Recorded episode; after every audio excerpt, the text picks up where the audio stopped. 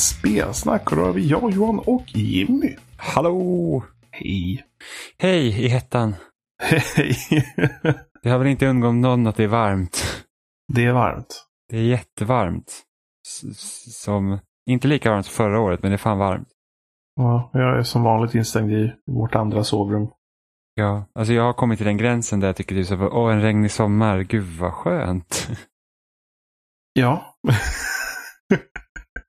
Det är sjukt. Nej, regn eh, hade varit trevligt. Allt, Regn. Alltså luften har alltid blivit så mycket lättare efter liksom de här, om det kommer en ordentlig skur. Så blir Ja, allting en så, alltså luft, allting luktar bättre. Allting, allt blir bättre efter en skur.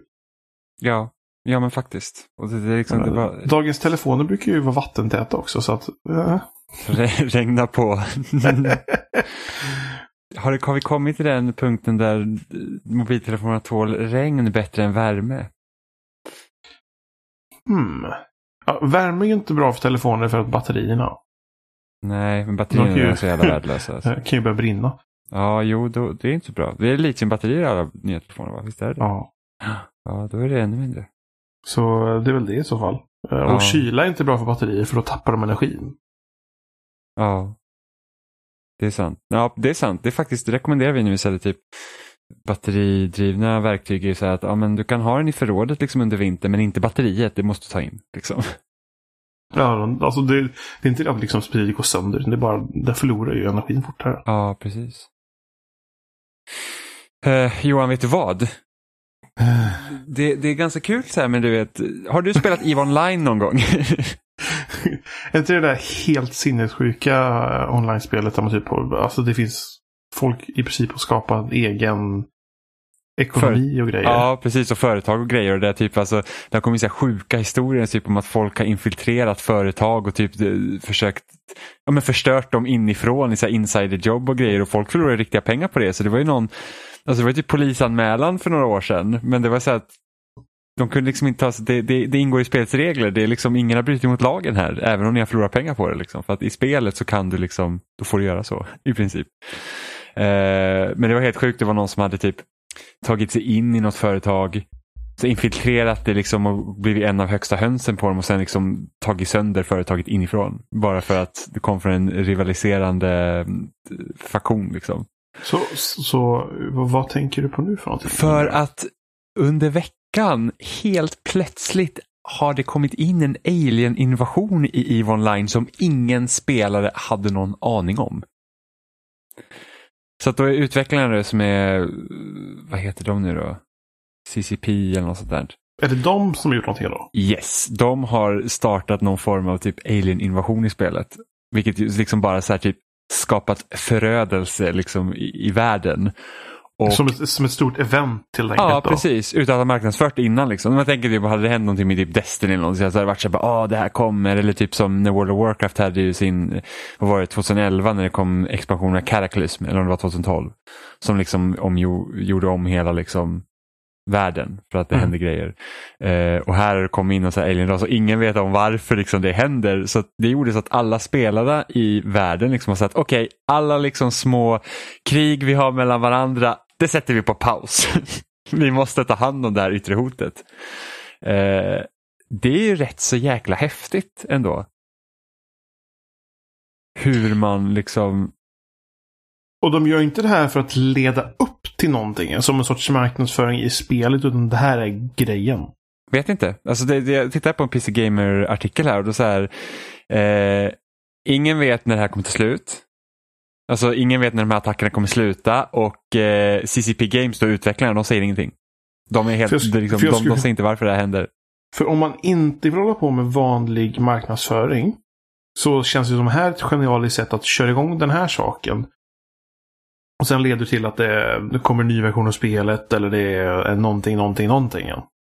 Ja. Men, men något som har varit ännu mer fascinerande än det är att, att om det här bara är grejen. Ja, För det blir lite såhär no strings attached på något sätt. Alltså det, det är inte en grej som du förväntas att någonting, någonting, utan du det, det är det här. Är en någon sorts galen sak som vänder hela världen. Hantera det. Ja. Nej, det, är- det är liksom så här. Nej, men det, precis, det, det, är rätt så, det är fascinerande om man liksom ska ha en för man tänker nu så här virtuella världar, liksom att åh, det ska vara så immersive och vi ska liksom känna som att vi är liksom i den här världen. Men liksom, sen när man läser reglerna så blir ju saker och ting förväntade.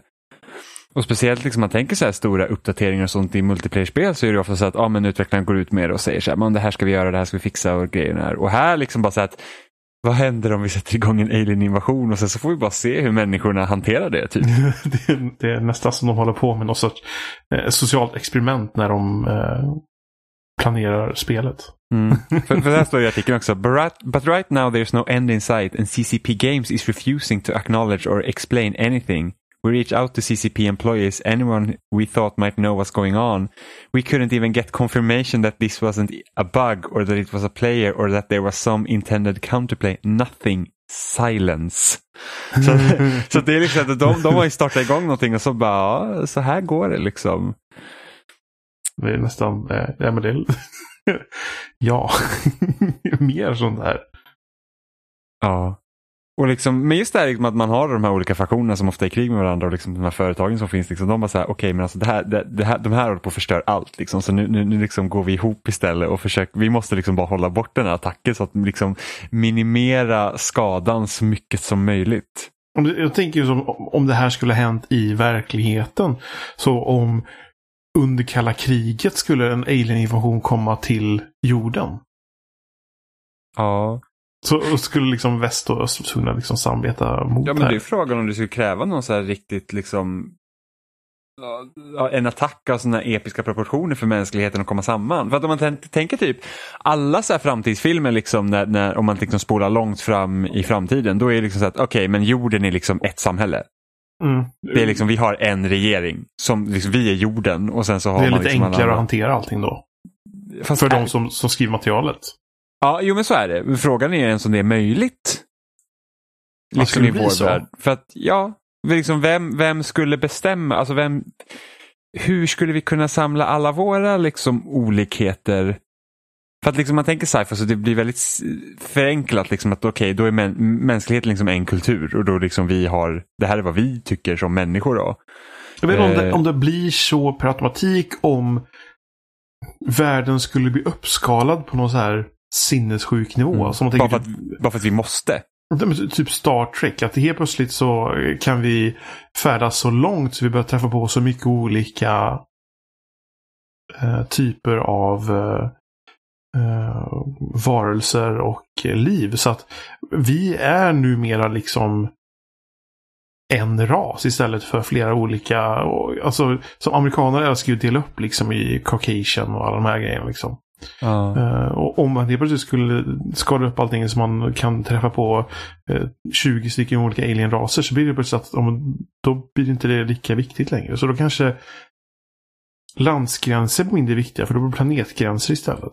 Eller skulle det bli så att det skulle bli ett jättestort krig här på jorden, alltså vad ska man säga, inbördeskrig för mänskligheten för att någon måste bestämma och de som kommer ur askan ur det är liksom så här, okej okay, men nu är vi vi, vi, vi det eller om det bara blir, alltså det blir så mycket problem så det tvingas på något sätt. Um, maten är slut, vattnet är slut. Um, någon sån grej kanske. Ja, jag vet inte. Inte, specifikt ett krig, men såklart vatten slut, maten slut, då, då blir det förmodligen ett krig. Ja. Men det är otroligt fascinerande att göra sådana grejer liksom i en online-miljö. Liksom. Alltså, om det här då är så stort event liksom, som är planerat liksom länge och de liksom ska implementera det och sen liksom ingen säger någonting innan utan de bara säger äh, men vi, vi tittar hur folk hanterar det här. Så det här händer liksom. Så vi, vi har nämnt det här spelet någon gång tidigare tror jag. Ja, det har vi säkert. Jag har ju försökt komma in i online men det är så himla komplicerat. Och det här men... kanske en tio år sedan jag försökte och det var så här att jag, jag det, det, är för stor investering att ta sig in i det. För det jag tänker på är att vi kanske har pratat om det någon gång, men det är ingenting vi pratar om det varje vecka. Nej. Men nu sitter vi här och pratar om det. Ja. Jo, men precis. Det är liksom, men alltså det här är bara liksom en tweet jag såg helt plötsligt liksom, och bara, åh, vad är det här? Ja, men det är någon annan som också bara ser en tweet helt plötsligt. Ja. så, så det verkar ju som att det, det har ju en effekt. Ja, så är det. Men det, och det är väl lite så jag känner typ att för jag vet att Fortnite, alltså Epic Games med Fortnite har gjort lite sådana här grejer. Jag kommer ihåg att om det var inför säsong tre eller fyra i Fortnite. Då var det en komet på himlen helt plötsligt. Och ingen visste varför. För att det liksom händer grejer i, i, i miljöerna. Eller typ förra året, eller om det var för förra året, när eh, någon hittade någon så här, typ liv i Elite, Dangerous. Och bara så här, okej okay, jag fick ett skumt radiomeddelande helt plötsligt och det kom något stort jävla skepp som bara swishade förbi och ingen hade någon aning om vad det var då. Alltså tänk vad coolt det är att liksom hitta sådana saker. Bara liksom, eh, liksom, möjligheten i ett sådant online-spel som är så stort, det är liksom det, det skulle kunna vara oändligt. Det är så här mm. på ett ställe som ingen har varit och så här utvecklarna säger att det här är ingen. Så att vi, sätter, vi sår ett frö här. Om någon, om någon kommer förbi här någon gång så kan de se vad som är på väg men de kanske tänker att det är så insignifikant så att de har så här, nej, det, det är liksom ingenting och där är starten till någonting och sen så bara exploderar det senare. När slutar sån här sak vara etisk? Men jag, jag, jag vet inte. Alltså det, det är typ att de... Alltså...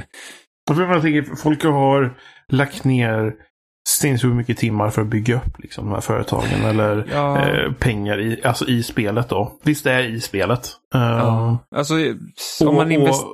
Det om... de har kunnat förvänta sig är att någon attackerar, några attackerar. Um, någonting påverkar ekonomin så man förlorar alla pengarna i spelet. Men nu kommer någonting som ingen kan förvänta sig.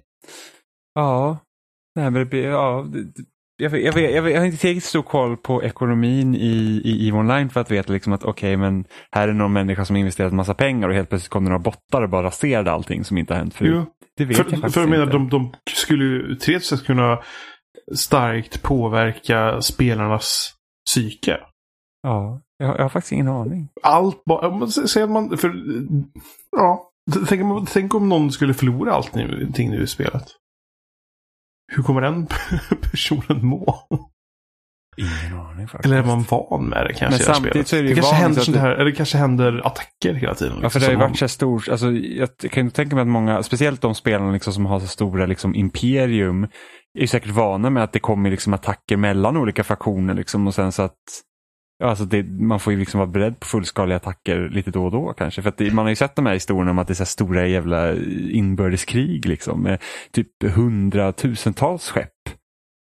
För, för, för så jag tänker nu och så jag liksom, därför hur jag skulle vända det på det här sättet. Att de som gör tydlig reklam innan det blir någon form av liksom nya saker i spel, events eller vad som helst.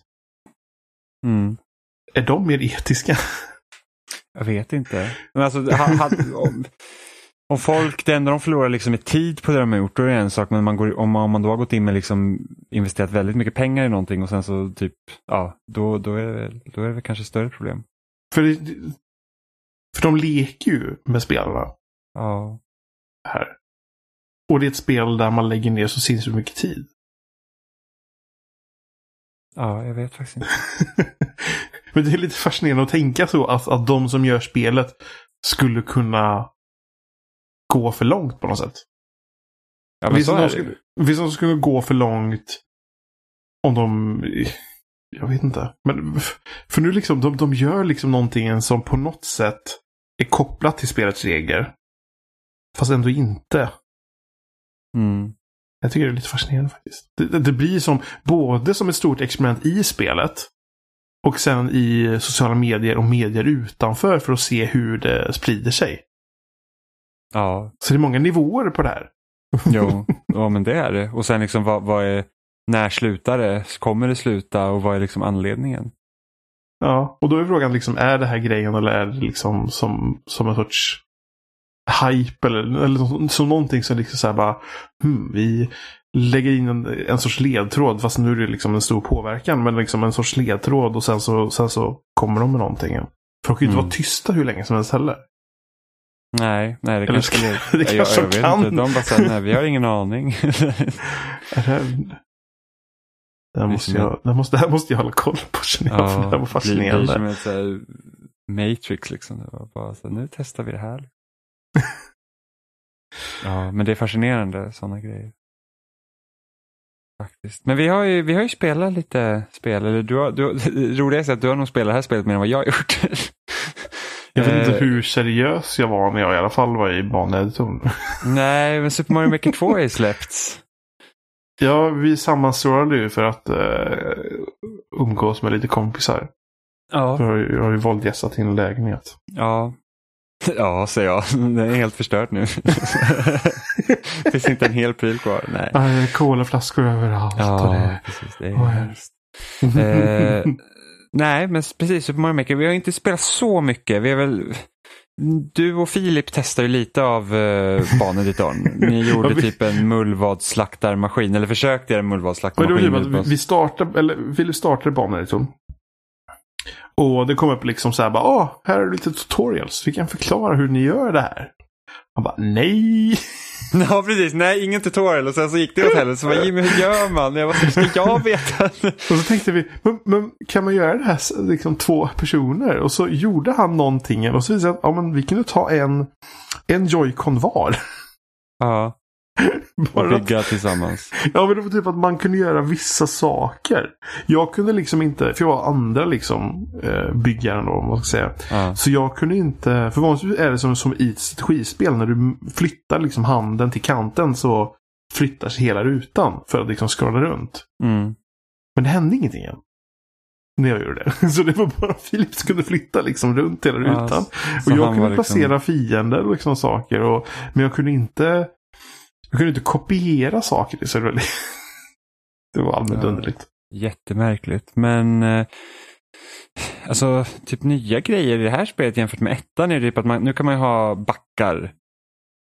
Göra liksom backar och sen den här på Hade man inte slopes förut? Nej, slopes fanns inte. Och sen det här kan göra sub-areas nu så att liksom, du kan säga att ah, men nu åker du ner i ett rör och då kommer du liksom till kanske underjorden eller en vattengrej eller någonting sånt. Oj, att inte det fanns Eh, förut. Nej, du kunde ju åka ner i rör och hamna liksom på en annan del men då var det liksom fortfarande samma typ av bana har jag för mig. Ja, ja. eh, Submarina nu kan liksom, det behöver inte vara samma tema alls. Nej, precis. Så du kan typ åka ner så är det liksom underground eller något sånt där. Och sen, eh, Ah. Och Alltså jag, på, jag, jag, jag borde köpa detta. och sen på av-knappen. Det här med att du kan liksom, du har en on-knapp så kommer en viss typ av block och sen stänger du av den så aktiveras en annan block. Fanns inte den förr heller? Nej. Och, och, ju- och sen den här grejen med nyckeln. Att du liksom kan få nyckel av en fiende och sen låser du liksom upp eh, nästa del eller någonting sånt. Vilket har gjort att folk har börjat göra mycket mer pussellösningar. Så vi såg ju den här imponerande människans som hade gjort den här typ boss rush grejen. Där man Ja. behövde liksom eh, slå en fiende på ett visst sätt för att få en nyckel eller typ någonting sånt. Och då fick vi liksom sitta och klura ut ja, hur tar vi den här nyckeln. Så det blir nästan liksom som att om det kändes lite så Dark Souls-aktigt så att vi behövde lösa liksom, hur funkar den här delen av banan för att komma vidare. Så det var ju väldigt fiffigt. Han var i alla fall då toppen på mest populära banskapare. Mm. Ehm, och alla hans banor var ju nyckeln eller on-off-grejen. Ja. On-off-knappen. Precis. så jag, jag liksom- visste, då, då förstår jag ju liksom varför de är, är nya på något sätt. Eh, ja, för jag visste inte att de var det. Ja, och det var de roligaste mekanikerna. Jag, jag älskar de här on-off-blocken. Liksom. Man skulle tänka liksom vart man skulle hoppa någonstans. eh, och sådana saker. Ja, och sen liksom det här med att det blir liksom en rytm. Att ja, men du, du, du tar ett skal och sen så får den liksom studsa mellan olika Ja, grejer så att du får så att du skapar den där rytmen och sen som du, du liksom du, du kickar igång en mekanik helt enkelt Ja. som, som loopar så att du liksom kan Precis. klara banan. Ja, det, Och det sen- var liksom, det, det var fascinerande. Man hade två stycken off-knappar och så någonting som studsade mellan det så blev det liksom en faktisk loop.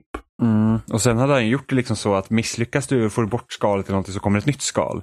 För att nu körde jag nu, nu körde jag en kompis bana där det var liksom samma grej att man måste ha ett skal som loopar men det var att när jag råkade få bort skalet så försvann det. Så man måste liksom starta om banan av sig själv. Liksom. Det finns liksom inget sätt för mig att Men han hade stängt in block. Han hade, stängt in on-off-knappen.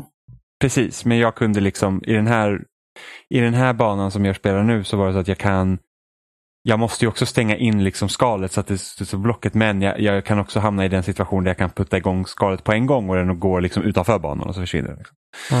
Eh, så det, är liksom, det är sådana saker man måste tänka på. Och, jag, och när vi kollar på hans banor så stod det typ så här, bara, ah, den här banan fixed eller någonting sånt. Så att han har ju säkert hittat någon grej sen efter han laddat upp den första gången.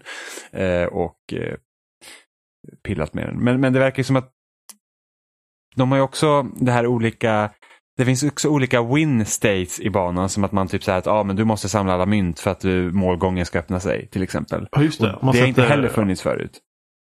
Som sorts Så eh, mission. Så Ja, det, var den, det, var, det var väl också han som hade den att vi skulle Vi skulle... Vad var det? Vi var tvungna att hoppa i mål sittandes på Yoshi. Precis, och då blir liksom hela den rutan blir som ett pussel då. Så att bara, bara den grejen har ju liksom öppnat upp en helt ny liksom eh, kreativ grej för Super. Mario Maker. Vilket det ska bli väldigt kul att undersöka. Det är bara att jag jobbar så himla mycket nu så att jag har liksom inte tid riktigt att sätta mig och spela. Vilket är lite synd. Visst, jag kan ju ta med switchen på tåget men, jag, men jag, jag, Jag Ja, så här- fast sitta på pendeln alltså. Ja, alltså, nu, nu pendlar jag en timme så jag har egentligen tid att sitta och spela men jag, jag tycker inte riktigt om att känna mig så att okej jag har bara den här tidpunkten och den här tidpunkten att sitta och spela så då tar jag inte gärna upp min switch, då läser jag hellre eh, istället för att det, det Jag känns skulle, lite så inte, att jag skulle inte eh, våga sitta och switch, spela Switch på ett sånt pendeltåg alltså. nej, jag skulle efter vi mötte Mullemannen. Jag skulle säga det. Ja, Efter vi gud. mötte mannen bakom mulleklubben.se. Ja, vi träffade en, det var en skum snubbe när vi åkte tåg igår. Som han var så här, han, han, han bara, "Ja, tjena grabbar, har ni snus? Så vi är fyra kompisar som åkte tåg. Ja, jag skulle jag köpa snus av er, säger han medan han labbar upp liksom hundralapparna. Liksom. Vilket var redan det konstigt, han såg helt däck ut. Eh, och sen så, och vi bara nej, nej, vi, för ingen av oss snusar, vi, vi har ingen snus. Han bara va? Fyra grabbar och ingen snusar? Var liksom nästan förnärmad. Vi bara nej, men tyvärr. Liksom. Och då, då, I vanliga fall när det kommer fram en skummis sådär, så då, då är man liksom klar med konversationen. Liksom, nej, vi har ingen snus, okej, hej då. Men han, den här mannen då, han bara ja. Ja, jag blir ju aggressiv när jag inte får någon snus och då blir man ju såhär wow. Du vet såhär okej det här är liksom, och eftersom han redan såg lite borta ut så blir det så här att okej man vet inte riktigt vad den här människan ska ta sig till. Så Men så, här, väldigt- så här var ju första delen. Det här var snusdelen. Precis. Sen, sen när vi, han liksom då etablerat här att nej okej vi har ingen snus och han blir aggressiv när inte han får snus då. Så tycker han att vi ska investera i hans idé som är då Mulleklubben. Och när man tänker typ Mulleklubben då tänker man, jag tänkte Mullemäck men det finns ju också den här typ Skogsmulle. Ja, som är det. en sån här liksom naturgrej från, från, från när man var liten. Då Han sa inte det. heller vad Mulleklubben var. Han bara, Nej. först så var det någonting, ja men då kan ni donera pengar till Mulleklubben. Och sen så gick det över till, ja men bitcoins till Mulleklubben. Ja, och sen så började han gnälla om att det är så dyrt att programmera det för att han skulle skapa Mulle Go. Vilket heller inte förklarar här, vad är Nej. Mulleklubben för någonting? Och, och för programmerare kostade, eh, vad sa han, 1400 kronor i timmen. Ja, precis. Eh, och de, kan ju de kan inte spotta ut mer än två rader assembly-code per timme. Och eh, till skillnad från han, vad heter det, Svartholm Varg som låg bakom Pirate Bay, han, han var mycket bättre på sånt där. Ja, det var liksom så här, jätte, alltså det, är liksom så här, det gick bara djupare och djupare och jag hoppades att jag bara, kan inte han bara gå liksom? Jag det- orkar inte. Nu, är vi inne på, nu har vi gått förbi del två. Som var Ja. då specifikt Mulleklubben. Sen gick jag över till att prata om Koenigsegg. Ja, precis. Ja, han började med någon så här 16 000 kronors vespa och ska sluta med någon så här 400. Ja, för han skulle, han skulle ta rekord i att krascha med en Koenigsegg. Allegedly, vi vet inte riktigt om det var det jag menar för att han började liksom svamla med att det finns ingen röd tråd längre kvar i det här samtalet. Det var, det var tredje delen. Ja, alltså att det har väldigt lustig person och sen, sen så gick han iväg så du kan han hitta snus någonstans och sen började han gå tillbaka. Ja, gud! Ja, det kom Du en missar, annan... du missar den fjärde Det delen, kom, en vilket var... det kom en annan tiggare också så här och han där började titta snett så här. Bara, åh, han, han, Fast det var, inte vanligt, det var inte en tiggare, det var en vanlig rese, Nej, nej, resenär. nej, nej, nej. Han la ut, såna, ja, han la ut lappar på stolssätena och, och liksom jag pengar. Så, men men det, är liksom, det är sånt som händer. Men den här människan han bara, han inkräktar mot revir. Och då sa jag så här lite skämtsamt, ja, tror du han också vill ha snus? Och då säger den här mullemannen då, ja det är ju självklart. Och man säger, mm. Så att liksom på den nivån var det här. Ja, sen, sen så jag att vi skulle, vi skulle söka till Försvarsmakten. Ja. Vi skulle gå in på Försvarsmakten och kolla, efter, kolla deras jobb. Och sen så vandrade han iväg och fick snus någon annanstans. Ja, och sen trodde vi att han skulle komma tillbaka då och var liksom lycklig över att han hade fått snus. Så att vi satt på så sex, eh, alltså var sex säten liksom i det här området då och vi var fyra. Så att han hade liksom kunnat sätta sig där och börja prata med oss vilket jag tycker är hemskt. det hade varit hemskt. Ja, så att eh, ja det hände. Mulleklubben. Så att då kanske man inte vill liksom sitta och spela switch eller något så Eh, här. Det var ju mitt intryck av ett pendeltåg i Stockholm. Ja, det, alltså det roligaste, och Filip, stackars Filip, han bara det händer alltid såna här grejer när jag är i Stockholm, han har typ varit här tre gånger. Jag så här, ja, alltså för mig, för mig lyckas det hända sådana här grejer alltid när jag är med någon annan, men när jag är själv så är det aldrig så här skumma människor som, som håller på. Men det, det, det var, det, det, var, det var en grej som hände, det var lite spännande faktiskt. Um, Mulleklubben där. Och sidan ser ut som något hämtat från 90-talet med en inbäddad YouTube-länk också. Ja. Vilket är verkligt. Jag, jag, förstår, jag förstår inte alls vad det här är för någonting. Men eh, nej, så att jag skulle inte, jag, jag känner inte riktigt att jag vill liksom så här, sitta och spela på tåg för jag känner mig stressad att jag bara har den timmen ifall att jag vill spela mer eller liksom Ja. spelar man ett spel där man inte kan spara, liksom, det, det blir lite jobbigt. Eh, när jag känner så, men ja. Och jag vet inte, på tåg känner jag att det är värre att spela, i alla fall på pendeltåg för det är inte så skönt att sätta sig där det är trångt och människor. Men, så. men när jag pendlade till, när jag hade en liten så här, bodde kort i Norrtälje och hade så här två timmar att pendla till skolan och då var det en timme liksom buss och det var en ganska skön buss att sitta i. Då var det ganska nice att sitta och typ spela Breath of the Wild och sånt för det var precis när Zelda hade släppts. Eh, så det, det var nice att sitta en timme med Zelda bara och liksom ränna runt i världen och försöka hitta shrines och sådana grejer. Det, det, det kändes kul. Men jag vet inte, Super Mario Maker, det, det, det låter som ett perfekt pendlarspel men det är ingenting jag tror att jag skulle vilja sätta mig och pendla med. Eh, en skum grej med Super Mario Maker 2 faktiskt är att när du spelar i, i bärbart läge så måste du använda pekskärmen när du bygger och jag förstår inte varför. Jag förstår att man kan använda skärmen för att det är väldigt behändigt att använda den där skärmen när man bygger. Men att jag inte ens kan välja att sitta och köra bara med knappar är ju jättekonstigt. Speciellt när den där pennan som de släppte med inte släpps med. Alltså du måste typ... Webbhallen hade inte någon version där man kunde få pennan med sig.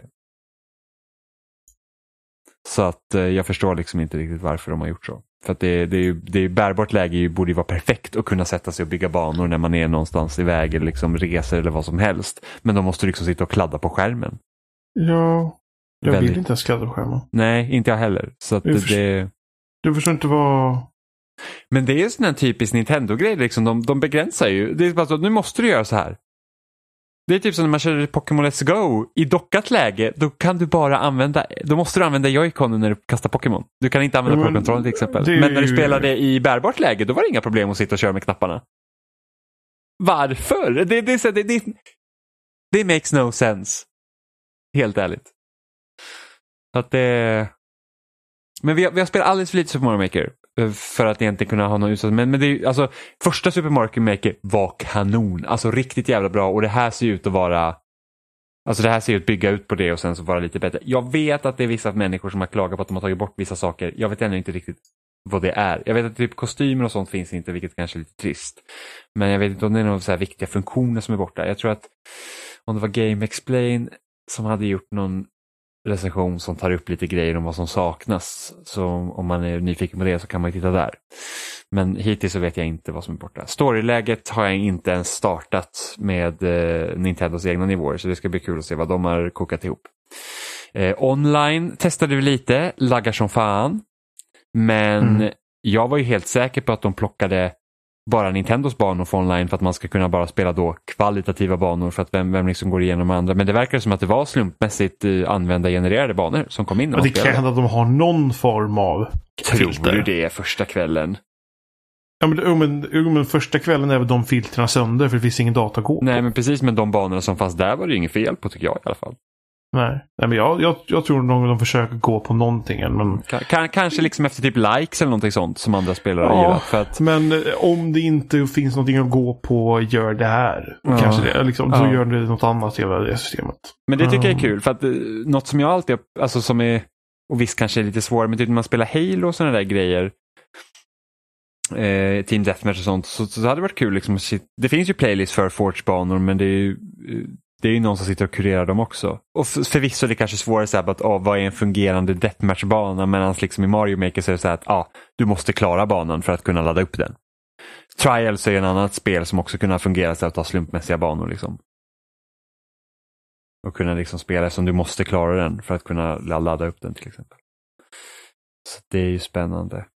Eh, Men det. Jag, jag, vet inte, jag, jag, jag, gillar liksom, jag har inte spelat det första. Jag gillar liksom känslan hur, hur det kändes när man spelade det. Ehm, hur Mario rör på sig. Ehm, för det känns inte som...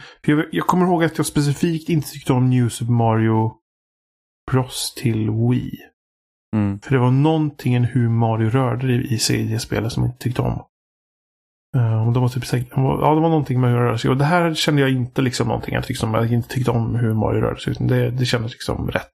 Mm, om jag tar både så Super Mario 1, 2, nej, Super Mario 1, 3 och World känns ju liksom som de spelen. Uh, sen vet inte jag hur det översätts över till när man har New Super Mario Bros-temat, om det känns som New Super Mario Bros. För jag brukar ofta inte göra när jag gör banor så gör inte jag med så här New Super Mario Bros-temat för jag tycker att det är så jäkla tråkigt. Det känns verkligen som Marios low point i hur han ser ut för att det ser bara generiskt ut. Det ser generiskt Mario-aktigt ut. Medan liksom, det finns ju en viss charm liksom i 8-bit Mario, Super Mario Bros 3 mm. och Super Mario Bros World. Det enda jag tycker är lite synd när det kommer till de olika teman som finns att välja på i spelet, att de inte har gjort någon ny så här, specifik Super Mario, Super Mario liksom det ser ut som de gamla spelen men de har inte gjort ett nytt tema som, som är speciellt för det här. Jag hade ju älskat om någon bara sagt, ja ah, men vet du vad, vi gör sprite och sånt som ser ut som den tecknade framsidan för Super Mario Bros 3. Det hade ju varit otroligt läckert att se. Ja, eller, om, eller om de tänker till, hmm, vad ska hända om vi skulle göra ett 2D Mario som inte har några 3D-element överhuvudtaget idag? Och ja, vad precis. skulle vi göra då? Ja, hur skulle det se ut? Kanske eh... nästan lite um, så här vektorgrafikaktigt typ. Att det är eller typ så här, eller Paper Mario-aktigt kanske. Mm. Liksom typ att det är mer... Uh... Men testa, för de har ju Super Mario 3D World-tema i spelet. Som, som, Jättekonstigt. Ja, som, ja, precis. Det är jättekonstigt. Varför ta det temat när spelet ändå liksom inte är, är så... isometrisk vid 3D? Liksom? Nej, men det ser åt... Jag tycker det ser ut lite åt New Super Mario Bros-hållet. Det, det temat. Det. Och sen bara det att det är en bakgrund i bakgrunden som visar en nivå i det faktiska uh, World, som, eller vad heter det då? 3D, 3D World. World. Ja. 3D World-spelet. För det, jag tror att det är vissa funktioner där som inte funkar med de andra två spelen. Som att du typ har kattdräkten och kan klättra på väggar. Jo, och det, jag tror att men... den funktionen fungerar inte med de andra temana och därför skiljer Varför skulle du vilja ha en skärmbild av en nivå i bakgrunden? Uh. Bara en sån sak. Ja, jag, uh, jag vet inte riktigt heller vad liksom tanken är med det temat. För jag känner att det, det, det, hade funnits andra grejer att leka med. Eller då lägg till en 3D World Maker. Att nu har vi, en, nu har vi liksom en 3D, en, liksom en, en, en bana i isometrisk vis som är 3D liksom. Och lek med det istället. Så att jag vet inte riktigt varför det. Men som sagt, vi har, vi har, vi har bara skrapat liksom på ytan mm. på Super Mario Maker 2 så det är liksom inte det, det är ju inte någonting eh, som, som vi har dykt mer med. Men, det, men det, liksom, det, det, är lovande i alla fall. Super Mario Maker är ju liksom, alltså redan första spelet som sagt var fantastiskt. Jag kan inte tänka mig att tvåan är mycket sämre om det är sämre. Utan det är fortfarande liksom 2D Mario är noise och när, och när det är så många som, och de här nya funktionerna de har lagt till verkar som att folk kan vara riktigt kreativa så att det finns ju en, alltså redan första kvällen så hade vi massor att sitta och liksom kolla och grotta ner oss i när man kollade på banor som andra har gjort. Så att eh, det är riktigt bra. Men spel som jag har spelat annars, jag, jag, faktum är att nu, jag blir så sugen på eh, att spela Final Fantasy 7 när eh, remaken visades upp igen på E3 mm. med datum och allting. Och jag har sagt, ja, ska man vänta till remaken eller ska man ska man liksom spela originalet? För det är ju ett spel som jag alltid har velat spela. För att folk säger att det är bra. Och jag har ju haft oturen att typ spela Final Fantasy 13 som jag inte tycker om, Final Fantasy 15 som jag inte heller tycker om, Final Fantasy Crystal Chronicles som var en konstig offshoot och sen har jag typ spelat Final Fantasy 3 när det kom till det som jag klarade aldrig ut. Och sen när jag började på Final Fantasy 6 vilket är fantastiskt så långt som jag spelade men för varje strid man kommer in i på PS Vita-portningen som är på PS1 är laddningstiderna typ så här, ja, 30-40 sekunder långa för varje strid i ett random genererade strider. Liksom. Så det ledsnar man ju på. Men nu så köpte jag Final Fantasy 7 till Xbox för att det var så nice. Jag, jag vill verkligen uppleva originalet innan jag liksom hoppar in i remaken. Eh, och jag har väl spelat så långt att jag har klarat den delen som remaken ska baseras på, eller första episoden av remaken ska baseras på. Det är liksom hela första delen som är Midgar. Eh, så det var ganska intressant att se hur, för att en grej som jag känner med JRPG och sånt idag är det att början ofta är väldigt seg. För att det är väldigt mycket lull-lull, det är mycket system man ska lära sig det, är liksom, det tar tid innan man får fart och sen ofta den här typ, ja, ah, här är den här hjälten som inte vet om att det är en hjälte, ofrivillig hjälten kan man kalla det och så ska man växa upp och bla bla, den här fantasy-tropen liksom. Men det som är så nice med Final Fantasy 7 och jag antar att det är ganska mycket vanligt så med Final Fantasy. Alltså min bild av JRPG eller typ fantasy rollspel överlag liksom kanske inte riktigt stämmer ens över hur många över egentligen hur genren ser ut egentligen. För att jag, jag blir ofta så här, för Final Fantasy 6 var samma sak, att du kastas också in där liksom i någon så här prolog som inte alls är liksom den typiska, alltså Chrono Trigger är typ ett av mina favorit-JRPG. Och det börjar ju mycket med så att oh, det är en lullulby här och liksom så här och sen händer någonting och sen så kastas man in liksom i, i att det, det är liksom grejer. Men som sagt ganska standard. Men Final Fantasy 7s öppningsspel är ju verkligen så att du, du är ju den här eh, nästan som en terrororganisation som försöker liksom störta liksom den, den typ nästan fascistiska regimen som, som styr mm. över Midgar. Liksom så här typ, ja, ah, de fattiga lever liksom eh, under en platta som är den verkliga världen så att liksom allt är mörkt konstant och det är massa liksom eh, föroreningar och det, det är liksom slumområden och ganska mycket förjävligt och sen så börjar det med att man liksom har sönder en av de här reaktorerna som håller uppe den här plattan. Och, och sen får man också leva liksom med vetskapen om att oh, det är en massa oskyldiga som också dör i vår terrorhandling men det är liksom någonting som man jobbar för the greater good. Liksom. Eh, så, så det är ändå en ganska mörk premiss som spelet börjar med och det är inte mm. massa tutorials utan man slängs in liksom ganska i en, en högraffinerad story. Det jag hoppas nu, för att, att Midgard-delen som jag har spelat den är 4-5 timmar. Och sen så har Square Enix gått ut typ och sagt att ah, men den här delen ska vi liksom bygga vidare på i remaken och göra mycket större. Så det ska ju vara som ett fullprisspel och vi kommer att ta 600 spänn för det. Så räkna kanske med i alla fall en 25-30 timmar då säger vi. Och då är det, så här, det de kan liksom utveckla här är det liksom att för att de, de, de, de, de målar över ganska snabbt det här med att åh oh nej, massa oskyldiga dog när vi gjorde den här grejen men det är någonting som vi måste göra. Det är ju någonting som de verkligen kan liksom sätta mot karaktärerna och slåss mot i, i remaken och bygga vidare på. Liksom att kanske bygga upp det här uppdraget mycket mer. Liksom att okej, okay, det här är sånt måste göra och, det, och sen när man spränger den här reaktorn, okej, okay, det, det, vi liksom, det vi har gjort är hemskt. Och hur tacklar karaktärerna det? Liksom, hur utvecklar de i, i det längre loppet? Liksom? Snarare än att bara säga att okej, okay, det är hemskt och sen så hoppar man vidare. Så det, de kan göra en massa spännande grejer där faktiskt. Men det är ganska imponerande hur men liksom man tänker liksom att hur spel har utvecklats nu och man tänker att spel tar liksom vid vissa teman och sånt och så redan det här spelet som är för 20 år gammalt, man, liksom bara, ja, men alltså man, man, glömmer bort att det är sånt som man utvecklare har hållit på med ganska länge liksom och, och bollat med. Sen är det ju vissa saker ganska förenklade, liksom, det är inga röstskådespelare och sånt så att, och, och, det är liksom så korta texter. Eh, vilket gör att det är så att ah, man får ju liksom fylla i liksom vissa luckor själv i fantasin om man säger så. Men, men det, är väl, ja. det är väl så man kan glömma bort överlag. Att ja, men idag vi gillar att uh, reflektera den här saken. Men förr gjorde man inte sådana saker. Men mm. förmodligen har man gjort det i många, många, många. Ja, men man har ju det. Alltså, tänk på typ Metal Gear Solid liksom. Första ja. spelet.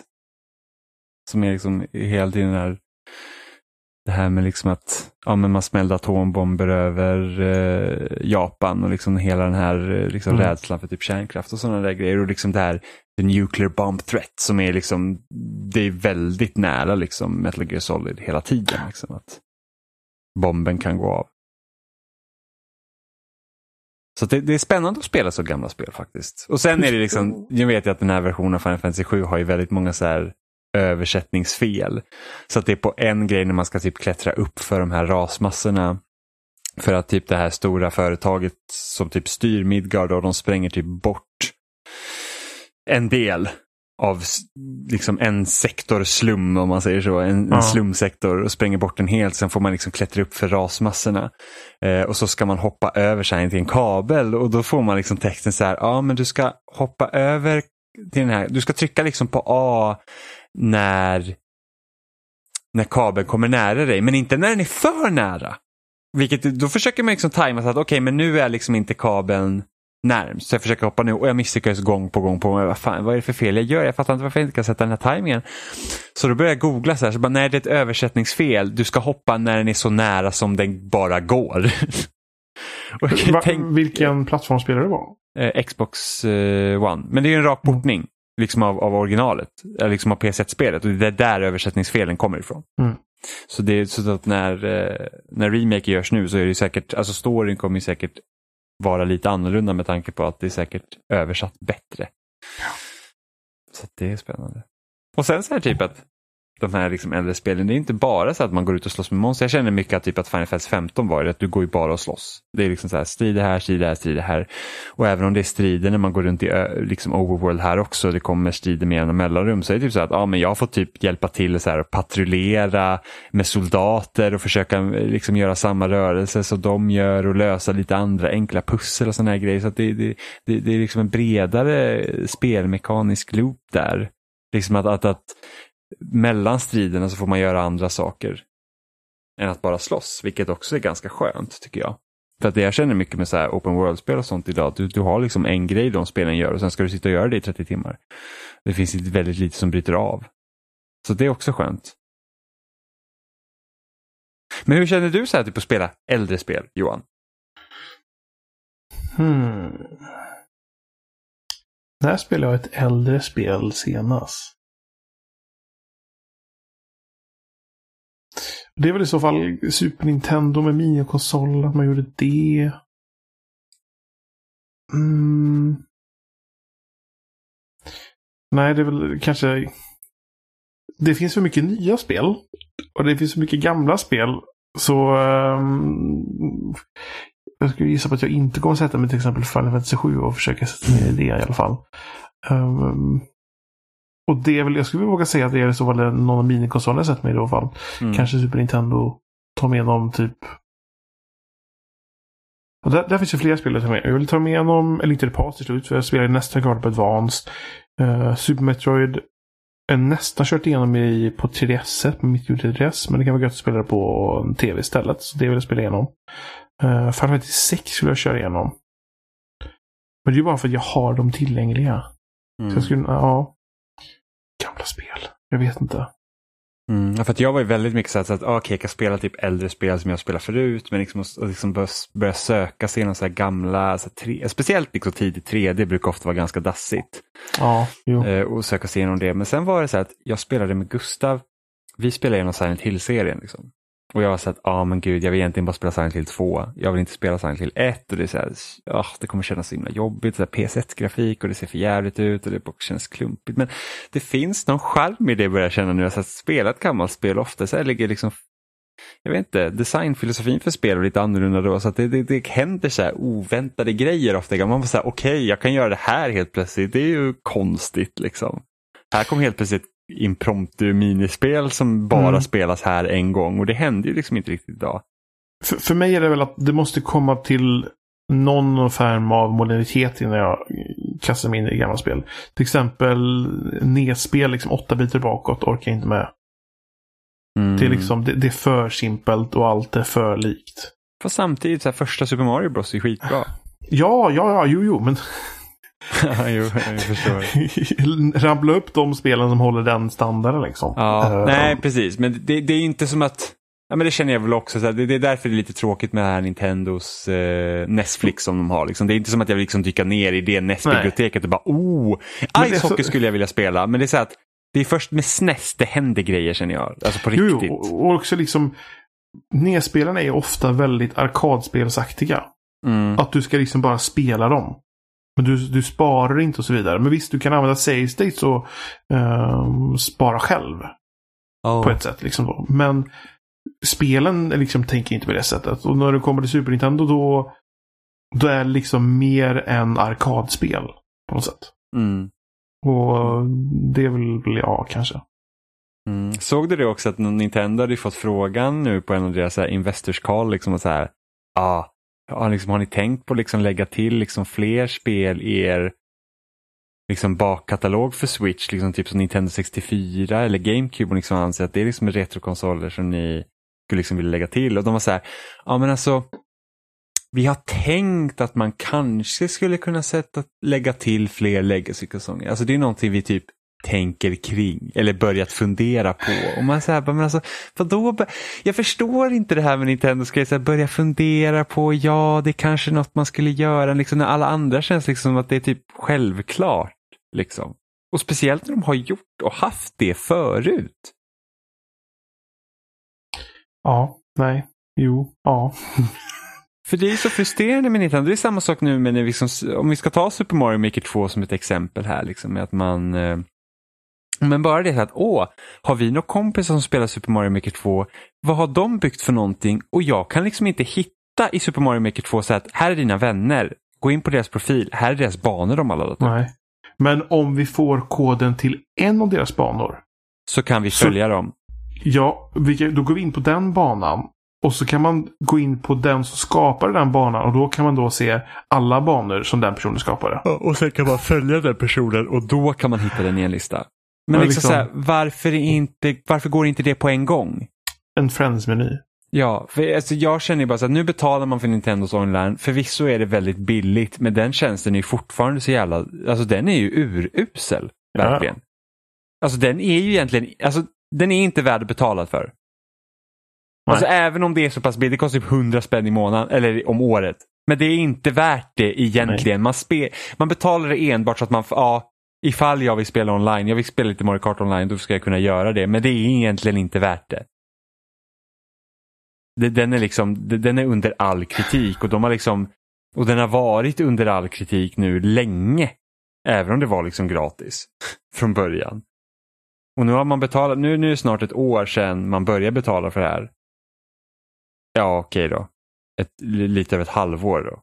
Det känns längre, men det är lite över ett halvår sedan man... Det känns liksom, verkligen längre. Alltså. Nej, det är ett år. Det var inte i september man fick börja betala och sen kom Smash i november. Så är det. Jag började först betala för det när Smash kom. Okej, så är det. Ja.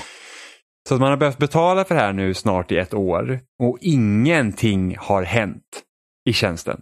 Absolut Nej. ingenting. De lägger till lite nedspel. Ja, typ två nedspel i månaden. Det är någonting ja. jag aldrig hört talas om och inte är så intresserad av. Så att liksom, vad, vad, vad, vad, är tanken med det där? Det är liksom, den är fortfarande klumpig, det går liksom inte att kommunicera med varandra riktigt i den och deras dåliga mobilapp som jag har raderat för att den liksom är helt, nej. Det är liksom, det, den, den, den, det känns som någonting som någon gjorde, alltså okej, okay, nu är online nytt, hur gör man det här? liksom. Alltså Nintendo har ju experimenterat med multiplayer bortom en konsol sedan GameCube. Ja. Men, men sen Super Nintendo, fanns inte det något typ så här internet... Hade de länksystem? Ja, jo, de hade någonting i Satellitsystemet. Japan. Ja, precis. Och de, har liksom, och de var tidiga med det i DS. Så att man ska kunna spela online med varandra. Och då tänker ja. man liksom så att okej, okay, då har de testat det, men liksom sen har det inte hänt någonting. Det, så nu känns det till och med som att de går bakåt. Alltså Wii U kändes stabilare online och hade mer funktionalitet än switchen har på den fronten. Ah, jag fattar inte. Det... Nej, och, och, då hade det varit okej okay om de på något sätt hade sagt att vi satsar inte på det här. Då var det liksom, ja det är ju jävligt surt men okej, okay, då är det så. Nu är det någon sorts mjäkig liksom mellangrej. Att om en, om en online, det, det, det är coolt. Uh, men uh, vi vet inte hur man gör det och vi orkar inte bry oss hur man gör det. Men uh, här har ni något som ni får betala pengar för. Mm. Alltså enda anledningen till att de kommer undan med det nu är för att switchen är en sån fortfarande ganska bra manick liksom. Ja. Um... Men det är liksom inte alls liksom man jämför med både liksom Sony eller Microsofts liksom lösningar med Xbox och Playstation. Det är, liksom, det, det är så långt borta så, så det finns liksom inget annat. Och sen vet inte jag om det här, för att när, när, när vi spelade Smash i vintras när, när det släpptes och spelade hemma hos Oliver så satt vi liksom alla med varsin switch så var det en sån jävla delay om man inte var host när man körde liksom eh, över ja, men liksom wireless local play. Liksom. Och det känner jag aldrig var ett problem när man gjorde samma sak på DS. Kanske ha hur med hur de synkar ihop med, med karaktärerna och sånt där. Eller liksom vad, vad alla ser. Sämre. Eller, är det bara, eller kanske var det så på Smash på 3DS också. Det är bara typ att det var enklare att fixa typ när man spelar Mario Kart. Eller att de bara typ filtrerar ut och så här typ eh, antog rörelser eller något sånt där typ. Eller någon sån grej. Att de fyller ut på något sätt. Sen vet ju inte jag hur Wireless Play fungerade när vi körde hos Oliver. Om vi synkade ihop via routern så att den körde lokalt på det sättet. Eller för att med DS och sånt så körde man inte via en router, då körde man ju direkt, alltså konsolerna kopplade mm. ihop varandra. Liksom. Ja. Jag vet inte jag om det är kanske det som störde att vi gjorde det via wifi där. Ja, Men om vi hade typ kört ut, om vi inte hade haft någon internetkoppling alls så kanske hade kört via maskinen och då hade det fungerat bättre. Jag vet inte. Ja. Jag tycker att Systemblink då borde vara konsol till konsol. Ja, och då borde det fungera typ flawless. Det borde inte vara den delayen.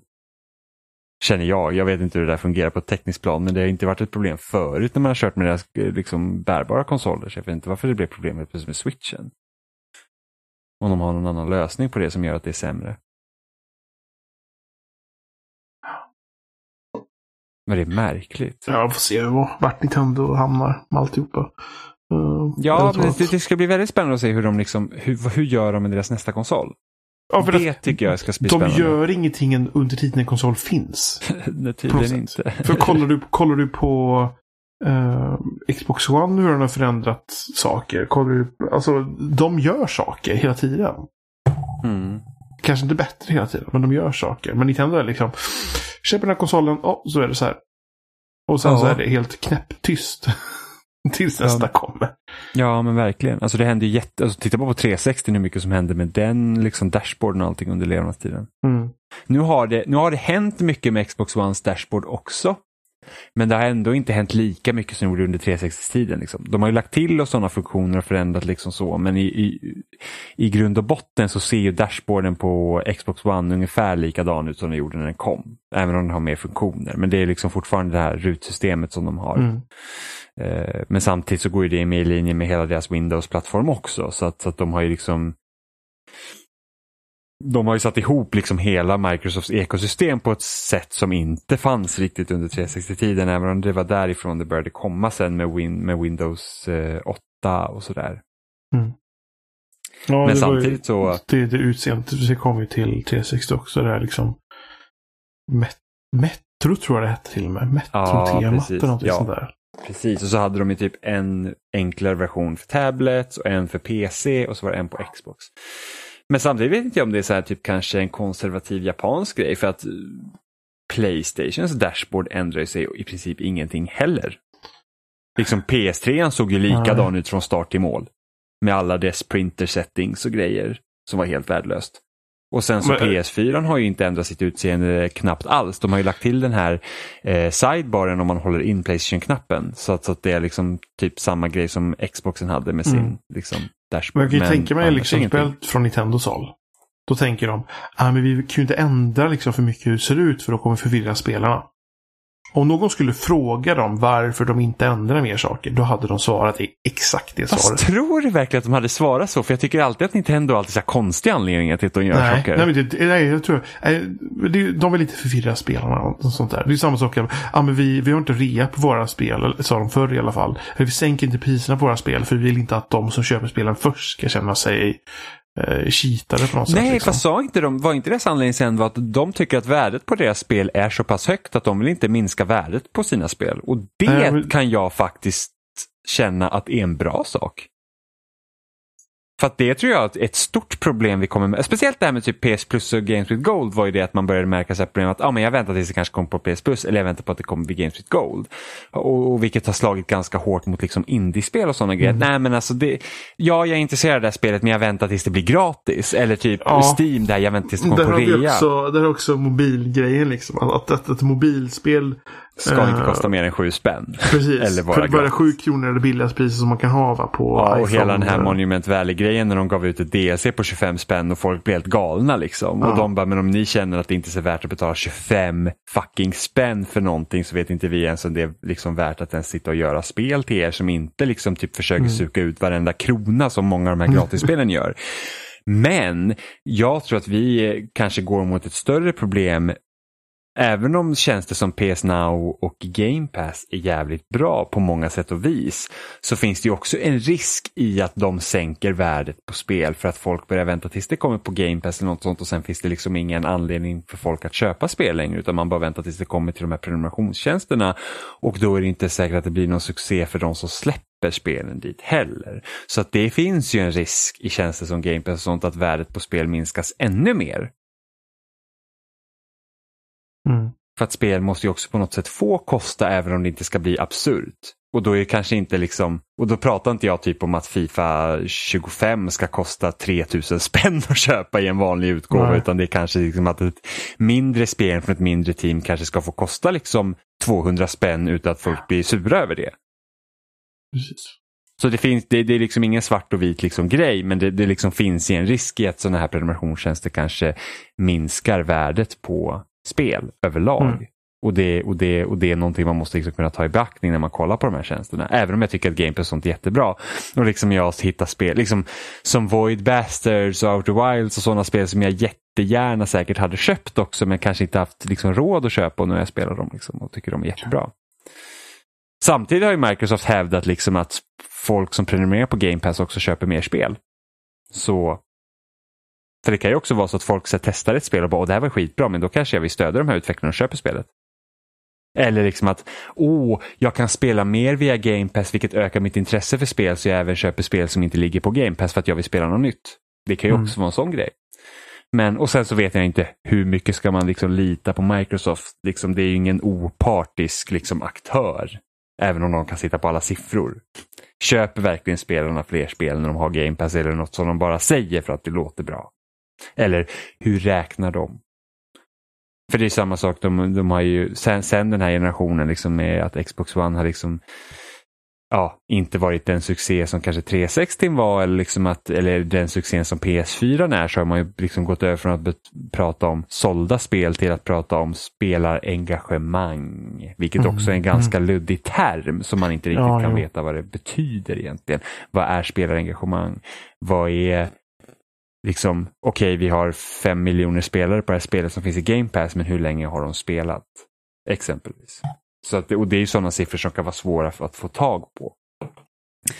Eh, men, men, men det är, det är lite, det, det är spännande tider vi lever i och liksom hur mediet kommer förändras och hur kommer det bli. För att med varje liksom del teknisk eh, liksom, eh, genombrytning så kommer det alltid någon form av backlash. Så man tänker liksom att åh, fram, löftet om en framtid med multiplayer, att vi kan spela med varandra utan att behöva sitta på en soffa nära varandra har liksom lett till att åh, varje spel skulle ha ett multiplayer-läge som inte kändes riktigt genomtänkt eller att folk mm, ska ha varit nya Destiny och det finns inte tillräckligt många spelare för att underhålla alla de spelen eller att det ska komma typ hundratals MMO. Så oj, det var ju ganska svårt att hålla igång ett MMO för att vi har World of Warcraft. Ja. Eh, samtidigt med det här med att åh, DLC är så bra för vi kan få nya kartor hela tiden eller vi kan få nya story-expansioner till att de var ganska undermåliga eller att vi får liksom så här att man planerar material längre fram och att man tricklar ut dem istället. Eller som vi har sett den här generationen till att åh, nu har vi kraften att göra öppna världar och sådana grejer och sen så har vi massa kvantitativa uppdrag som inte är speciellt bra. Mm. Så att, så att ja, så att Game Pass är nästa grej. Att, oh, nu har vi, mass, vi betalar en månadsspår av massa nya spel att spela men hur kommer det utveckla sig i framtiden? Hur kommer spelen, vilken belastning kan det bli för spelen? Ja. För samtidigt som det finns positiva aspekter så finns det också negativa aspekter. Men det är spännande. Jag är väldigt sugen på nästa generation och se vad liksom kommer definiera den. Ja. Jag, jag är väldigt spänd på uh, nya Xboxet. Mm, jag med. Och även Playstation. Man bara ser liksom eh, vilket, eh, vilket hopp som ändå One X gjorde liksom. Uh, ja, och vad den gjorde för gamla spel. Ja, precis. Det tycker jag är väldigt spännande. Liksom, att, att det är inte bara så att åh, nu kan vi spela Xbox-spel, utan de ser annorlunda ut. Tack. Ja, men det ska bli spännande. Så vi, har, vi har många spännande månader framför oss. Och samtidigt så känner jag känner inte att den här generationen är lika trött som förra generationen var vid samma tidpunkt. Nej, men konsolerna blir ju kraftfulla på något sätt. Jag känner att eh, konsolerna kommer ikapp liksom typ, liksom, man tänker liksom på PC-sidan. Som även där har tappat tempo. Mm. Liksom, vad som händer liksom med PC-spel har, har tappat tempo. Och eftersom konsolerna nu i princip är PC, PC som är kanske lite äldre. Så blir det inte så dramatiskt när nästa sak kommer. Även fast det händer saker. Um, så jag tror mm. att de utan problem kan göra liksom imponerande spel till nuvarande konsolerna. Men finns det något spel idag på PC som är liksom Crisis för den här generationen som Crisis var för förra generationen. För förra generationen var det så ja, men kan, kan din dator spela Crisis? Kan den liksom maxa Crisis? Uh, spel som liksom... har raytracing i sig. Ja, så nu är det mer en sån, liksom, sån teknologi snarare än att det är ett spel man vill liksom hoppa in i, eller? För, för raytracing kräver ju något in i helvete alltså. Mm. Och både PS5 och Xbox är sagda att stödja raytracing. Vilket också är spännande hur de ska implementera ja. det med, med tanke på att de baseras på AMDs eh, GPUs. Och, och, AMD har ingen GPU i pipelinen som ska liksom ha raytracing i åtanke på det sättet som både Nej, Microsoft alltså, och Sony det, pratar om. Det Nvidia har gjort är ju liksom att, att de, deras grafikkort har väl för de har de här CUDA cores i sig, liksom grafikkärnor liksom. Det är mm. tusentals sådana liksom i ett grafikkort. Mm. Och som jag förstår så har de då en del av grafikkortet som är dedikerat för raytracing. Mm. Men, men, men den AMD delen, har jag inte tror det. Inte, jag, jag, tror inte att den delen är liksom speciell på något sätt. Det är bara det att de har en extra del de som är för det. Så uh. DirectX till exempel, som, som är Microsofts sån här grafiksystem. Mm. Det har ju system för raytracing i sig. Men då använder man liksom grafikkortet som vanligt då för detta. Så att det drar mer prestanda än om du har ett RTX-kort från Nvidia som har raytracing-stöd helt enkelt. Mm. Så men när grafiken blir kraftfullare och när raytracing blir mer effektivt så kanske man inte behöver ett, ett, ett Nvidia mm. RTX-kort längre. Så det kan typ hända kanske att både, det är en GPU som kommer finnas i både eh, X, nästa Xbox och PS5 då är liksom i någon modifierad version som kan stödja raytracing? Att de Alla grafikkort kan, kan göra raytracing. Okej. Okay. Men just det Nvidia gjort att de har gjort en dedikerad del på grafikkortet så att mm. du förlorar mindre prestanda. Även om du förlorar mycket prestanda. Och sen är det liksom det att det, det, det är så otroligt krävande raytracing. För du kan ju göra så mycket olika saker. Eh, mm. Uh, kollar man på Battlefield 5 där har du bara raytracing i vattenreflektioner. Mm. Det är det enda stället de har raytracing. Sen finns det andra saker som använder det för ljus. Men det är på PC ljus. då? Ja, ju precis. Det är ingenting som vi märker av på konsol. Nej. För att de kan inte fixa det. Liksom. Precis. Och det är väl de flesta kör bara med liksom om du har ett X-kort för att annars så. Mm. Det, det så, är ris- så är risken att raytracing som de snackar om bara är en sån här grej som de säger att oh, den kan stödja raytracing precis som de snackar om 8K men att vi kommer kanske ja. inte ens få se raytracing under precis. nästa generation. Eller så oh. används det i en sån liten del. Som det... om, man, om man tar liksom Battlefield-exemplet, att de gör det. Att det mm. är bara vattenreflektioner. Är inte det lite um, synd och tråkigt? men det, det är ju en sån krävande sak. Du, mm. du räknar ut vart ljusstrålar landar och studsar. Mm. Det är liksom såna här saker som du har gjort när du renderat en stillbild tidigare. Ja. Och nu ska du göra det i en, i en värld som konstant rör på sig. Och du vet inte vart de här sakerna ska röra på sig. Hur, hur ska du göra det på ett effektivt sätt liksom? Mm. Eh, om du ska göra det med ljus, reflektioner och allting. Då. Ja, om man, om man ska tro på ryktena i alla fall liksom, så verkar det som att den nästa generationen som kommer kommer vara en större bump än vad den här var från förra.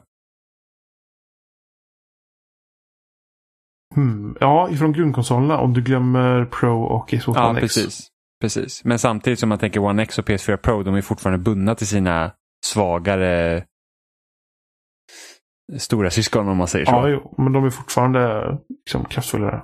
Men samtidigt så de har ju sagt att Halo Infinite till exempel ska ju fungera på Xbox kärnfam alltså Xbox One-familjen också. Ja, men är hårdvaran snarlik? De... Um, har koll på hur saker reagerar så kan de väl då är det fortfarande i princip då tre stycken konsoler som du ska ha någon form av grafikskalning för.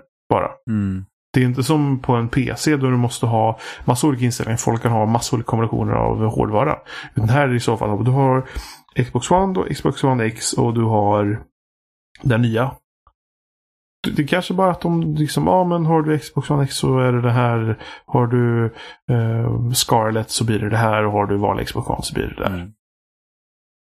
Och en annan sak som är ganska intressant med, jag vet inte om vi har pratat om det här i podden faktiskt, men det här med att Microsoft från början planerade två versioner av nästa Xbox. Du skulle ha en budgetversion och sen den här liksom starkare, lite dyrare high-end maskinen och de verkar ha skrotat det. Utan de kör på high-end versionen fullt ut. Ja, så du tänker, ah, hade de i så fall... Så att om de hade lanserat Xbox One S och X samtidigt, typ. Ja. Det hade varit liksom releasen av Xbox One. Ja, precis. Typ. Och sen, så, men, men, men, och sen tänkte de så att ja, men det finns en billigare inkörsport. Mm. Men då kanske den billigare inkörsporten blir här Xbox One X. Till att börja med, kanske. Nej, Mm. jag vet Ja. faktiskt inte. Jag tror faktiskt att, att, att det faktiskt blir en större brytpunkt den här gången. Att det liksom, eller större brytpunkt blir det inte, utan att de faktiskt kör en brytpunkt den här gången. Att det är så att, nej men alltså, visst, Halo Infinite kan du spela på Xbox One X och eh, eh, nästa Xbox. Men de flesta spelen kommer vara nästa Xbox exklusiva för att vi lämnar kvar den här generationen helt enkelt. Mm. Ja, vi får väl se. Sen så tror jag i och för sig med Game Pass och med indiespel och sånt att där kommer det bli så att ah, nej, men vi släpper på alla Xbox som existerar fortfarande för att de är spelen inte lika krävande. Mm. Eftersom det kommer säkert vara mer, alltså arkitekturen som du har sagt att det är mer lik en PC, vilket gör att de här gamla konsolerna kommer vara enklare att ha spel till fortfarande som också släpps på de nya konsolerna än att det ska släppas på 360 och Xbox One till exempel. Ja. Är- det korrekt? Ja, precis. Ja, precis. Mm, Mellan eh, Scarlett och eh, Xbox One Precis. så kommer det typ vara ett spel att- som Super Meat Boy Forever kan släppas till Xbox One och nästa Xbox utan problem medan att Ja. släppa Super Meat Boy Forever till 360 och Xbox One var mycket svårare.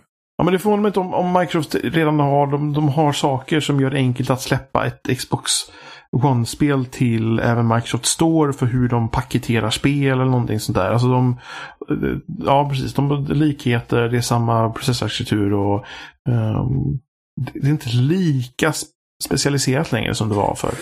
Nej. Då ska det bli intressant att se hur de kommer tackla Game Pass när de nya konsolerna kommer. Hur ska man hantera spel som fungerar på nya Xboxen men inte Xbox One när det kommer till Game Pass? Och hur ska man göra den distinktionen för de som inte hoppar upp? För, för, för oss som kommer köpa nya Xboxen på en gång blir det väldigt enkelt. För då blir det så att Mm. okej, men alla spel som finns på Game Pass kommer fungera på Scarlet. För att det har de sagt. Alla Ja. Xbox-spel som fungerar på Xbox One kommer fungera på nya konsolen. Men hur blir det om jag sitter, vi säger så att ah, men jag vill inte hoppa upp till Scarlet än utan jag vill sitta med min Xbox One och helt plötsligt har du kanske 20 spel som är Scarlet-exklusiva som kommer in på Game Pass. Det är det de gör olika tiers som de har nu med PC. Med PC tänker du? Eller är det så att när du går in på Game Pass så kommer det vara så här att nej men det här är eh, Scarlet, Scarlet required eller någonting sånt. Vad tror du? Nej, ingen aning. Alltså de kan ju ha att det blir som på PC, att, eller med PC-grejen att det är en extra sak. Eller eh, något sånt där. Eller, Fast- eh, att det blir en mindre sak. Eller så kommer de fortsätta... Ja, men det så för fortsätter de, ja, men så fortsätter de bara snurra runt Xbox One-spel. Det finns så många. Jo, jo, men alltså Alla One-spel finns inte på Game Pass. Då snurrar de bara runt. spel. Nej, nej, fast de har ju sagt att alla deras egna spel skulle komma på Game Pass.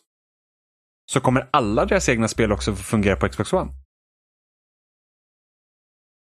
Trots att de har Scarlet. Eller så, eller så bara står det att eller liksom, de syns inte om du sitter på Xbox One. Ja, så kan det ju vara. Och så kan, det kan ju faktiskt vara ganska rätt. Du ser Men, de spelen du kan spela men då, jag som då har varit en stor ganska förespråkare för att jag tycker att Microsoft ska kalla sin konsol Xbox. Och sen så kör de på det. Och sen att när nya Xbox kommer så är det bara deras nya starkare Xbox. liksom.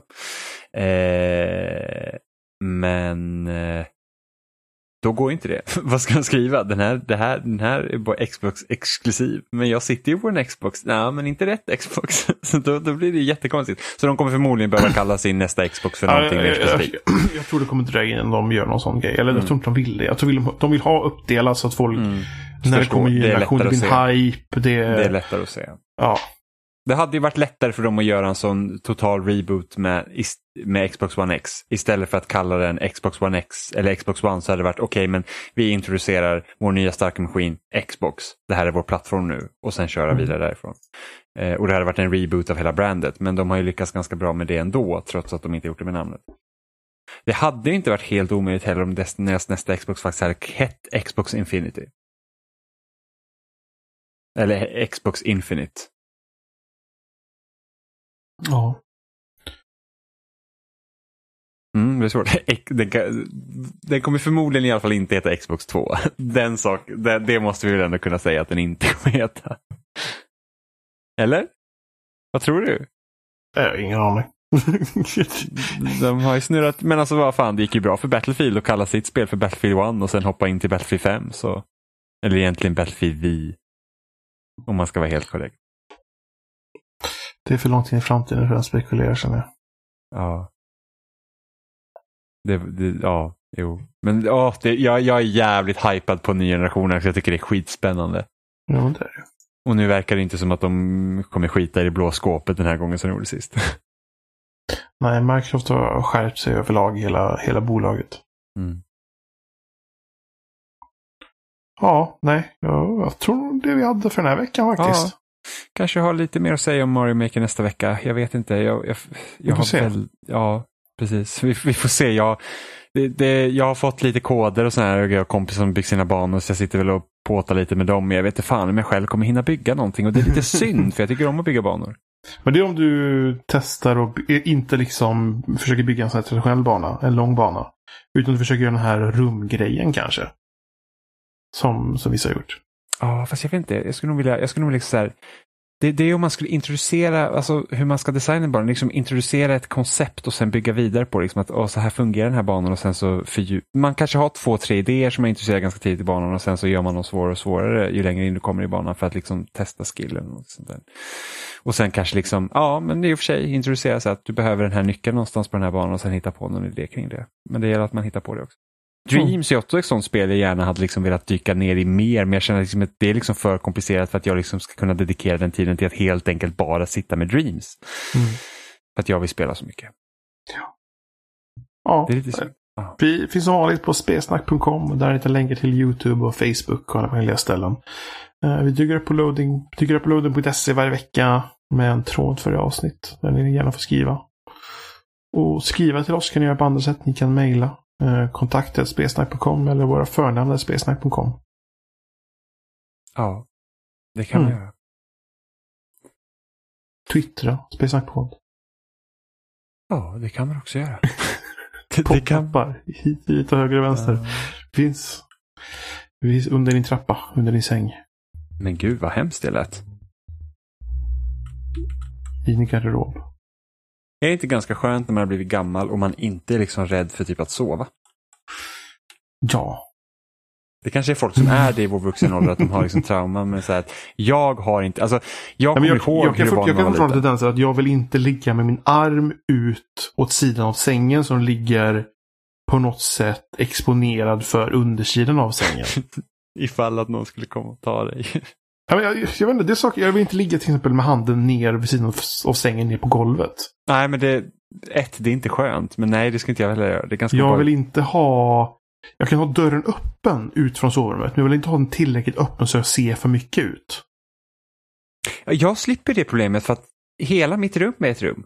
Ja, jo. Men Ja, jag- samtidigt, jag- samtidigt måste jag faktiskt säga att jag sover bättre nu. Du såg ju hur jag har sängen nu i min lägenhet. Den liksom Ja. ligger ju liksom, det, det är liksom i ett hörn så att det liksom känns Precis. som att man är väldigt avskuren. Men förut så sov jag ju faktiskt med att där jag har min soffa, där hade jag en bäddsoffa. Och jag sov med huvudet till fönstret vilket gör att då är ju hallen öppen. ja, så som blir, som, det kunde vara obehagligt. Och titta Det är, ut. precis, det är samma sak med att ha dörren för mycket öppet ut från Ja. sovrummet. Så ser man för mycket liksom utåt och, Mm. och så vidare. Ja, nej. Ja, nej men det är så. Men min säng är också ganska hög så att jag är liksom... Så att det, ja.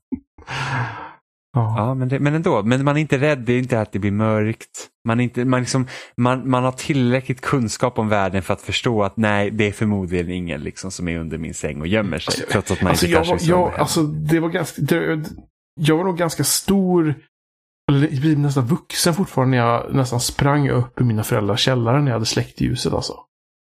Det, det, är något läskigt med ja, fast källare är väl ganska läskiga. Ja, vi hade ett jätteläskigt hus som var mitt emot vårt hus. Eh, i, I första hemmet jag bodde i.